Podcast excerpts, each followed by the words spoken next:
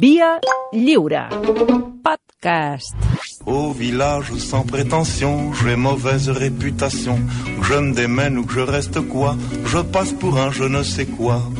Je ne fais pourtant de tort à personne en suivant mon chemin de petit bonhomme. Mais Hola, execrables! Hola. Què tal, Bon. Malcom Otero? Bon dia. Bon dia. Què tal, Santi Jiménez? Bon dia. Molt bon dia. Avui dèiem que, que la gent eh, no s'equivoqués amb el personatge d'avui. No, perquè tothom el coneix. Sí, eh? Jo crec que només el, fins ara eh, només el coneixia el Caravent. Però, vamos. Ja us han retuitejat, eh? Mira, Uh... vinc de parlar amb ell, eh? Ah, sí? Sí, sí. Ah, sí. d'acord, doncs escolta, explica, explica. No, no, no, que està esperant, ens, ens està sentint. No, no, sí, David Caravent, salutacions des de la, des de l'altra S'ha banda de la dir, ho sento pel caravent, la injustícia que si poses Mishima a Google surt abans el grup que Mishima. Sí, no, no, surt, surt abans el grup i de segon un restaurant japonès. Sí, sí, això és molt trist. Bueno, doncs, evidentment ja sabeu que pa- de, de qui parlarem, però vaja, Sí. vosaltres mateixos introduïu-me. Clar, perquè la, no és massa conegut, o sigui, bàsicament la gent pensa que és el, el, El grup del Caravent. Fantàstic, s'ha de Sí, dir. David, t'estimo. Però ha de deixar el grup i fer-se president del Barça. Bàsicament. Però bueno, qui era Mishima? A veure, era un, un escriptor que era una mena de... Una, un, creuament, un còctel brutal, un creuament entre, pues, jo què sé, Javier Marías, Julian Barnes, Arturo Pérez Reverte i Cristiano Ronaldo. Per què? Vull dir, diguem-ne...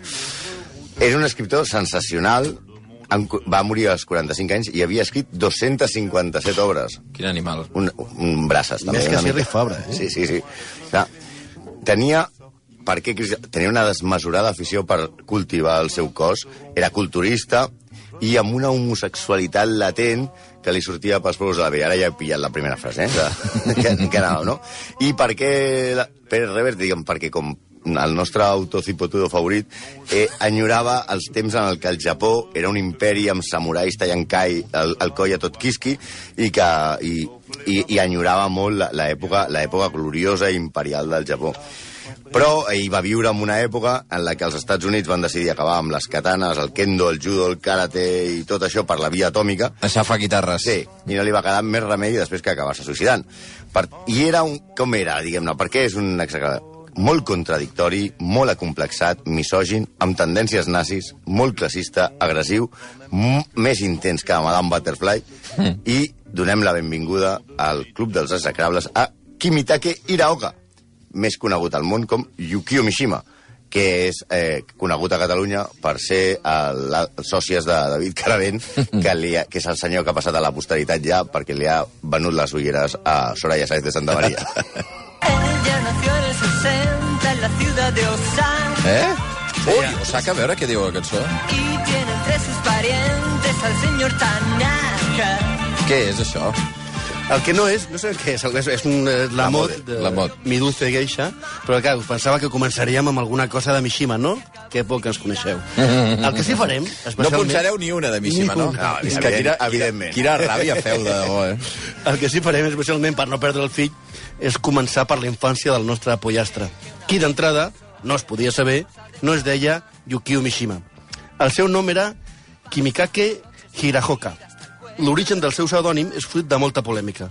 Per alguns estudiosos, com que venia de famílies samurais, té a veure amb els antics guerrers. De fet, el seu nom real ja vol dir príncep guerrer. Altres, no obstant, asseguren que va, ten, va, va obtenir el seu nom, el seu pseudònim, mm. perquè el seu mes, un mestre que va tenir, un tal Shimizu, ja sa, avui tranquis, perquè això semblarà un capítol de Doraemon, eh? Sí, sí, tota la gent que sortirà. Feia un viatge en tren i va posar per la ciutat de Mishima, al peu del mont Fuji, i va veure la muntanya nevada. Com tothom sap, els a l'ESO inclosos, neu en japonès es diu Yuki. Mm. I va decidir que aquest seria el nom del seu pupil. Menys mal que passava per tren per Mishima i no per l'Almunia, Doña Godina o Castelldefels de Piadero, perquè si no el nom hagués quedat molt, molt xungo. Sí, però com que l'explicació més clara és la més senzilla, ens agafem a la idea de, que la, de la seva família, que assegura que el nom artístic va arribar triant aleatòriament un nom a la guia telefònica. Què dius? És a dir, sí, sí, és a dir, que igual es va fer famós com a Yukio Mishima, podia haver optat pel Nobel amb el pseudònim de Hermanos Almansa, carpinteria d'aluminio, però en japonès. Això. Però eh, a la seva infantesa, la persona realment important va ser la seva àvia, una senyora que es deia Natsu. Mm. Una senyora amb una malaieta escandalosa. Sí o no? Sí, feia molta por, aquesta senyora. Agreujada, a més a més, perquè tenia ciàtica i li provocava brots violents i esquizofrènics. La iaia no tocava quarts ni hores i, eh, i venia, era, era la que venia de la família de samurais. La iaia? Sí, la iaia. Oi, oi, oi, oi, oi. Sí. I, i segurament era una senyora que tallava la seva amb els ulls embanats sí, i que tirava el, el, els porros a l'illa. La, la, la, la. No? Ja. I quan va, quan va tenir el net, que és el, burro, el Yuki, eh? va decidir que l'educaria amb un esperit molt megaloman que després va acabar passant-li factura. La iaia, per exemple, perquè tingueu una idea, no el deixava a Mishima jugar al carrer perquè no volia que li toqués el sol i mantingués la pell molt blanca. Mm. A Mishima, les seves obres la retrata la seva àvia en diverses novel·les. Això sí, eh, quan ja va morir, perquè no era precisament aquesta iaia que dona berenar, és la que dona galetes. No s'havia atrevit, eh, a escriure sobre la iaia fins que es va morir, eh? Sí, sí, sí. Una mica, Kafka. com vosaltres, també, no? Exacte. Mi- Mishima va créixer en aquest ambient militaritzat en el que la seva àvia es creia una mena d'Agustina d'Aragó a la japonesa i fill d'un pare admirador de Hitler Hosti, noi, de debò. sí, que, oh, sorpresa, odiava els llibres i li va prohibir escriure que era la seva gran passió i que ho feia de collons, per cert. I que el va obligar a apuntar-se a dret i a especialitzar-se en, alerta, dret alemany, que és superútil, Uh. superútil després de la Segona Guerra Sí, Mundial. sí, magnífic, sí. Un visionari. Sí, sí el que entenia i que entenia la seva vertent literària era la seva mare. Ell escrivia d'amagat, la seva mm. mare llegia tots els seus textos, però eh, aquí comencem amb les, les contradiccions, no? Ell, quan era estudiant, eh, esclata la Segona Guerra Mundial i, i Estats Units i Japó entren en guerra. Ell, que després, durant la seva vida pública, va ser un gran defensor del nazisme, el feixisme, el belicisme, i que assegurava coses com que un acte vell, tot i que sigui terrorista, jo l'aprovo, no va entrar en guerra, no es va apuntar a l'exèrcit. D'acord. Aquí tenim dues versions de, de... que comencem amb la seva primera gran contradicció. Sí, uns asseguren que realment patia una malaltia respiratòria Sí. sí. i que l'exèrcit japonès el va descartar tot i que volia enrolar-se a l'aviació i ser un kamikaze per morir per l'emperador. Ja sabeu, els kamikazes en aquests pilots que per la missió dels quals era estambar-se contra els vaixells enemics eh, o sigui, morir-se, suïcidar-se, no? Carregats de bombes. O sigui, a canvi de carregar-se l'enemic, diguem-ne, jo, jo em suïcido. Exacte. Una feina per la qual digueu-nos tiquis-miquis, tampoc cal una salut pulmonar com per fer el Tour de França. Total, t'has d'empitonar con tranquil·litat, tampoc importa que et tingui tensió alta de Clar, l'acte. cosa que també ens porta al gran debat que m'horroritza, o sigui, que m'obsessiona la meva vida, que és per què els kamikazes portaven casc. Sí, sí, sí, al fons has d'acabar estimbat i fet hamburguesa contra, contra el cuirassat, per què es posen el casc? No, Jo no ho he acabat d'entendre. Però és igual. Tornem, a, tornem al tema. Per molts estudiosos i biògrafs de la vida de Yukio, n'hi ha a patades, Sí, a més eh? a més. Sí, hi ha, hi ha moltes biografies d'ell. Eh, Es veu que no va ser que l'exèrcit el rebutgés per una malaltia pulmonar, sinó que el tio va falsejar el seu informe mèdic, o sigui, es va cagar, no va voler anar a la Ah, guerra. sí, va dir que, que hi vagi un altre. Sí, una mica, va falsejar l'informe mèdic, com Dembélé amb el Barça. Saps? Sí. No és veritat. Dembélé es va lesionar al segon partit. I, i el tercer. I això, a, a, aquesta contradicció, el va mortificar durant la resta de la seva vida i explica moltes de les seves actituds posteriors. Veus que Ara què la pinta musical- el uh, Ja, ja ho. Village People? Perquè fruit d'aquesta mala consciència de no haver entrat Sí. a l'exèrcit, no haver servit al seu país i al seu complex de nyicris, Mishima va decidir convertir-se en una barreja de tipus que pogués anar a la clave. Pas de l'ESO era un programa de la televisió on es parlava moltes hores de coses serioses mentre fumava molt. I de tronista de mujeres, eh, hombres i viceversa. Alhora que escrivia obres sensacionals, es posava mazes per anar a la metro en samarreta imperi i boxers. Sí, es va convertir en un addicte al gimnàs i un expert en arts marcials, especialment el judo i el kendo. El kendo, ell, que és la, la, l'art de fer servir espases samurais. Eh, ell va arribar al cinquè dan. Oi, oi, oi. Que això és- això és després del negre, no? Sí, això és allò... És cada nivell i vinga, Això, ja és, això és ser un tio otoe perillós. Sí, sí, sí, sí. sí com Uma Thurman a Kill Bill, però sense el xandall. ell, ell va dir que vaig tant al gimnàs perquè el que de veritat m'obsessiona és deixar un cadàver ben bonic. I ja sabeu que nosaltres aquestes frases que Sí. no s'atribueixen a ningú que tothom diu, ens encanten. Bueno, també, va dir- perquè, per exemple, aquesta frase de deixar el cadàver bonic se li atribueix a Morrison, a James Dean. Sí. I cap d'ells, ni Mishima, van aconseguir eh, deixar el cadàver bonic. O sigui, recordem, Morrison, ja vam parlar d'ell, va acabar gordo, fatal, eh, destrossat per les drogues. Eh, James Dean el van treure de, de la Junta de la Tròcola del Porsche, Oh. i Mishima ja veurem que, eh, tot i estar molt catxes, va deixar un cadàver que semblava el d'una vaca eh, al mostrador a Marrakeix. Ai, ai, ai. Molt Mira és malament. desagradable, eh, també. Mentre seguia escrivint les seves obres i era candidat tres cops al Premi Nobel de dit tres Literatura. vegades, eh? Sí, això, aquestes coses que no saben bé, perquè quan després de 50 anys obren les pliques i tal, sembla que... És el que tenim en comú amb Mishima, Amb que Mishima, tampoc hem guanyat mai el Premi Nobel. No, però finalment el, qui va guanyar el primer japonès va ser el seu mestre, protector i el seu padrí de bodes, perquè sí, a pesar d'aquestes coses que deien de que tenia tendències homosexuals, es va casar i va tenir criatures. Va, el va guanyar, qui va guanyar? Yasunari Kawawata. No que no cal cal que us el perquè presenti. tots a la nostra audiència el coneix. Tothom el coneixeu, i pels de l'ESO, que és un escriptor i no un candidat, no un personatge de bola de drac.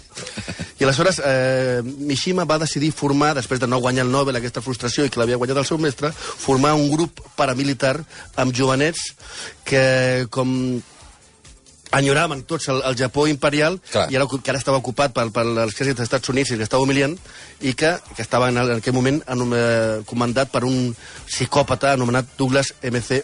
MacArthur, el que també, del que també parlarem algun dia, perquè és un ferm candidat a ser un execrable. Passa que estem dibuixant, un, que això és el, el, la part desconeguda, diguem-ne, de la història, no? Tot un grup de gent que volien tornar al Japó imperial exacte. i que els agradava els samurais i vinga. Ah, I- shogunatos i liderats, liderats per un escriptor collonut Mm. que es posa supercatges al gimnàs Sí, sí, sí, eh, sí.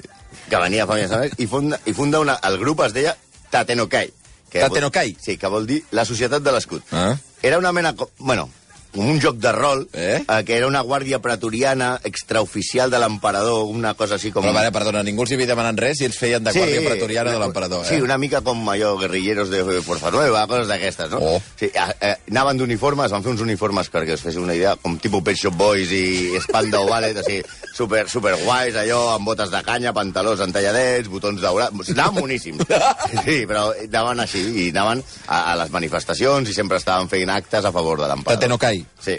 La, la seva ideologia queda eh, reflexada en un escrit del pobre Mishima, lliçons espirituals pels joves samurais, en els que destila tota la ideologia que ell admirava dels nazis, barrejada amb el Bushido, el codi de conducta dels samurais. De fet, a la seva casa museu encara es pot contemplar la seva biblioteca personal, en la que destaca un exemplar del Mein Kampf, però en japonès. Sí, sí. Llegir Mein Kampf en japonès és, és, és, és de nota, eh? Hòstia, noi. I és una altra de les seves contradiccions, perquè ell, ell volia recuperar, com dèiem, els valors japonesos imperials, reivindicant els tics feixistes, però que els tics feixistes eren els que havien portat a, a, al Japó a la derrota absoluta i cruel davant dels Estats Units. També, des de la seva posició molt de dretes, el, el, els tios que admirava eren Mao Zedong o Fidel Castro, cosa que tampoc eh, té molt clar. Si tu tens el Mein Kampf... Bueno, eh, El cacau Eh, mental era no, considerable, eh? I fins i tot amb la seva condició sexual. O sigui, cada vegada ell era més evident que, que era, era homosexual Sí. i, i, i es cultivava el cos i es feia moltes fotografies eh, posant... Eh, Selfies?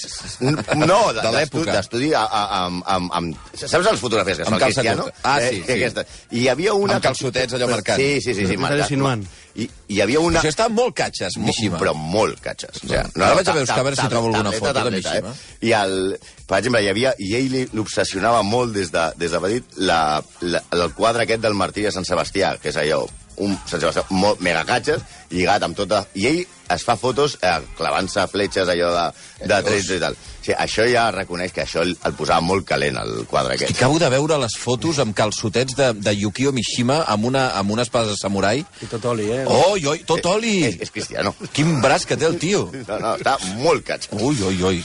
Però per si aquestes contradiccions no fossin prou, era un misògin que considerava que les dones no podien tenir cap paper a la societat.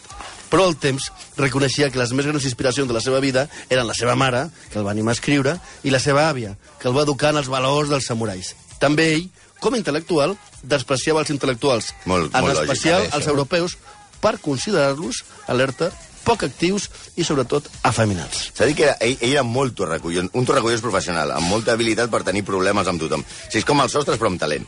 Ridiculitza sempre, per exemple, un dia a, a, a, un, a un ministre a, a, amb, amb un banquet, amb una sàtira política. Després del banquet, el ministre el denuncia i ell acaba guanyant o sigui, el judici. Sí, la, la, també el sector de la companyia Bunkaku Sa Conegudíssima, també, aquí. Bueno, una companyia de tot molt important. Es neguen a continuar amb les representacions de l'Arpa de l'Alegria, que és una obra seva, perquè els diàlegs dels policies de l'obra són massa fatxes. Vaja, si els sectors haguessin vist el xef de la policia de Madrid, trobarien els diàlegs més versemblants que les tortugues sí. ninja. Aquí, aquí veiem que tenim un tio amb totes les contradiccions del món i munta una sopa, un caldo, que això havia d'esclatar. I esclata amb tota la pirotècnia. Un cop d'estat, suïcidi, atemptat, segrest i mort, heroi- mort heroica. El nano estava fora de si, però la capacitat dramàtica li sobrava. Atents al que va.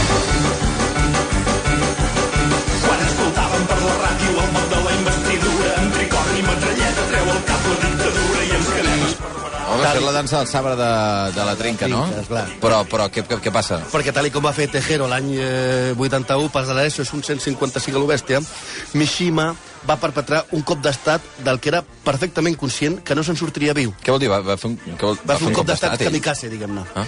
Co eh, cosa que, de fet, no li va importar massa, perquè es va passar tota la seva vida imaginant la seva mort, tema que el tenia obsessionat des de ben petit.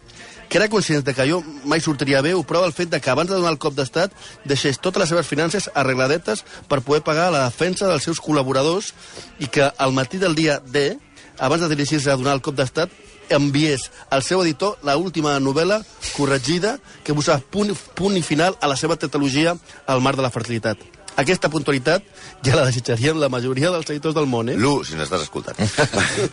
el 25 de novembre de 1970, Mishima i quatre dels seus joves col·laboradors d'aquests de, de la Societat de l'Escut, que tenien al voltant de 20 anys i ell en tenia 45, es posen els uniformes d'aquests tipus Pandau Ballet i es presenten al quartel general de les forces d'autodefensa de Japó, sigui, l'exèrcit japonès, i demanen entrevistar-se amb el general Mashita, que els rep. Un cop dins del despatx, Mishima es posa en plan Bruce Lee, redueix a 14 soldats 14? els que fareix amb la seva espasa de samurai, Sense sí, que no mata a ningú, i els, els, su- els supervivents expliquen que no els va matar perquè no va voler, perquè el tio era superhàbil amb De l'espada. debò? Sí, sí, O sí. sigui, el tio no és que s'havia entrenat, era un màquina. Eh, no, no, era una... Era puta- Kill Bill. Eh, Era, era, sí, sí. Aleshores, es queden al despatx amb el, amb el general, el lliguen a la cadira i fa que convoqui a tota la tropa a, a, al, al pati del quartel i so, surt Mishima i ell i es posa a donar un discurs per eh, reivindicar un cop d'estat i que l'exèrcit surti al carrer. O sigui, amb un sentit estètic, diguem-ne, molt més acurat que el de Tejero. Home, més catxes que Tejero està, eh? Sí, home, sí. La, la, la, la, és que el tricorni queda molt mal. No, És molt tan- fatal. Però Mishima, abans de sortir a parlar al balcó davant de la tropa, es posa al cap el mocador eh, ritual dels Ah, samurais. sí. En el seu discurs, Mishima parla de la cadència del Japó com a poble i assegura que no està disposat ni un segon més a acceptar que l'emperador és humà, tal i com havien obligat els americans a admetre a Hirohito en els termes de la rendició, amb el convenciment, amb el convencent argument de que o firmes això o et cau un altre pepino atòmic. Mishima confiava en la seva capacitat oratòria, era un gran orador. Sí, eh? Sí, sí, a- acostuma, o sigui, ell tenia, feia conferències a les universitats i tenia milers de persones durant dues hores sentint-lo. Sí, però brutal. Ell, ell també va viatjar molt per fora de Japó, que era quan es feia senyors. Eh, mai, mai, mai, mai, mai al Japó. Al Japó mai, però quan sortia llavors ah, sí. sí. era, vamos, en más peligro. O sigui, o sigui, però els soldats estan al pati, ell parla i els soldats no li foten ni cas. La tropa va passar olímpicament d'ell. No es descarta que aquella tarda eh, posessin, eh, s'inventés la Nintendo aquella de la Game Boy, perquè vam, no li van fotre ni puto cas. O sigui, ell els estava fotent la turra i ell veu que allò no funciona, va ser una humiliació, i la constitució, la, la constatació que el món que ell somiava i enyorava mai tornaria. És el Japó que iniciava l'hora de Super Mario, Novita, Pikachu Arale. No hi havia més shoguns, emperadors ni samurais. A més a més, tota, tot aquest show es va retransmetre en directe perquè el propi Mishima havia avisat als mitjans de comunicació. Així doncs, no li quedava una altra sortida que el suïcidi ritual. per tot això que estava passant, En directe. amb càmera, Exacte. i s'estava emetent Hi ha per les televisió. imatges, les podeu buscar. Sí, De, sí. del seu discurs, Sí, sí, que ja, ningú ja, li fot cas. ja Era un tot a- fracàs. Mira, però ell superdigne, eh? Sí, sí, era, era un fracàs eh, en públic. Clar, ja no tenia una altra opció que suïcidar-se. Bueno, li quedava l'opció espanyola, que és aquesta de perdón, lo siento mucho, no volverá a ocurrir, lo hice para España y lo volvería a hacer una y mil veces, no? I passar anys a una presó a Figueres, a Cos de Rei, i al cap d'uns anys sortia a menjar paelles als quartels, els que es, hetero, pels japonesos, no és així. Sí, Mishima decideix suïcidar-se. I se suï- vol suïcidar com un samurai fent-se el seppuku, que és el que aquí diem harakiri. Tu vas a un japonès i dius l'arakiri i no té ni puta idea Ah, no es diu Arakiri? A, a, a, és el seppuku és el, el suïcidi ritual dels, Mm, dels samurais. dels samurais. Que, a veure, que consisteix? Amb una daga ritual d'un parell de pams, més o menys, que tu t'agenolles... Ara què, què m'està- què m'estàs fent? La recepta de la, Sí, de la iaia, eh? si per voleu. fer un bon No- sepuco... no ho provin a casa, eh? Per fer un bon sepuco, un parell de pams de et daga... amb aquesta daga transversalment l'abdomen. Oh, Saps, per tu, veus, tu has de veure com els teus intestins cauen no. al terra davant Va, va, va. Oh, Com que la cosa, a més de posar el, els pèls de punta, especialment si és la, el de la neteja, després de fregar tot allò, Sí, imagina't després recollir tots els, els tota la, la sang i això. el més allà. És, és molt dolorosa. El millor amic del protagonista, l'amic ha de tallar-li el coll a l'interessat un segon després Això de més a més, també. Sí, clar. sí, tu, tu No és només que vegis tu com cau el I tries el teu millor amic Escolta. perquè en aquell moment, Oh. quan tu vegis que cau, el, cau, cauen les tripes a la terra, el, el teu millor amic t'ha de tallar el cap. perquè, clar, perquè si no, no, per no no pat- patir del I el segon millor amic és el que veu la fregona després. Oh. En el- Aleshores, això és la teoria del, del samurai del segle XV i que això quedava perfecte, però després arriba la realitat quan els, els estudiants de 20 anys han de posar en pràctica l'any 1970. Sí, Clar, tallar clar. un cap... Bueno, ara hem vist Els samurais tenien pràctica fàcil. amb tallar el la cap. primera però, vegada clar. que talles un cap no mai surt bé. Ja, ja, ja. ja és, eh, però clar, ell, eh, Mishima compleix la seva part, però el seu company, Masakatsu Morita, no va saber com tallar-li el cap al primer cop. Li va fotre un estacasso, Ai, ai, ai, li va donar ai, el cop, ai, li ai, va ai. deixar mig braç pensant. Ai, ai, la ai, imatge ai, ai, que ai, tenim ai. és... és una... Tot això està gravat, a més a més. No, no, no, no, això, no, va, va va, ser va. dintre. Uh, ell uh, es fotent l'estarracada aquella de budells i tal, no sé què, mig braç penjant perquè no li pega el coll, i és que, o sigui, ¿Sabes quan Curro Romero pega el bajonazo? Que Ai. li nada más lanza, maestro, saque la metralleta? Pues més o menys això. Aleshores, clar, un altre dels companys que portava, Hiroyasu Koga, li va donar el desca... Va dir, dona'm a mi la katana, li va tallar el cap, li va tallar el cap també al- a l'altre, al, al torpe aquest que va intentar... també? Sí, sí, sí, sí, sí. I aquí es va acabar el nostre, el nostre Mishima. I això. El senyor aquest que li va tallar va acabar sent monjo, per cert, eh? Sí, es veu que va estar 4 anys preparant el suïcidi i que va escollir amb molta cura, així amb una selecció, eh, els que li ajudarien. Però vist els resultats, sembla que la selecció de personal l'hagués fet Esperanza Aguirre, no? Estava tot preparat, eh? Sí, sí. Estava tot pre... No pot fallar res. No pot fallar res. I I va acabar fent un... un... Oh. Però te l'imagines amb el braç allà, però... Mata'm, aquest- cabró! Em, em sap greu pel... Sí, pel perquè a més a més aquest és de- d'aquests execrables que nosaltres... Que vosaltres també us sap greu, Sí, sí, sí. sí. no? I això, i de- i d'aquí es, es, es crea Mishima la banda, eh? Això li has de preguntar al Caravent. Però suposo que li agrada la part eh, literària, no la, no la part del sepulcro. S'ha de dir que, que el seu mestre Cavabata també es va suïcidar, eh? Vull dir que per de gràvia. Déu-n'hi-do. Les 11, execrables, moltíssimes gràcies. Ah, ah, espera't, no, no te'n vagis, eh, Santi? Ara em canvio el barret. Et canvies el barret I ara perquè... començo a dir coses sèries. De seguida, exacte. Uh, de seguida parlarem com que... Mira, ens mourem cap a l'Àsia, com que la setmana que ve, divendres i dissabte començarà de forma efectiva, el, comencen els Jocs Olímpics de- d'hivern a Corea, parlarem... La meva especialitat. I, eh, sí, exacte, els Jocs Olímpics Els d'hivern, concretament. I de Corea. Sí, sí, el com, que, com que passarà que per una part de les competicions de Corea del Nord i Corea del Sud seran alhora, parlarem de la implicació que tenen els esports en la política. Això serà d'aquí uns instants. Les 11 i un minut. Gràcies, exagrables. A vosaltres. Tout le monde viendra me voir pendu, sauf les aveugles, bien entendu.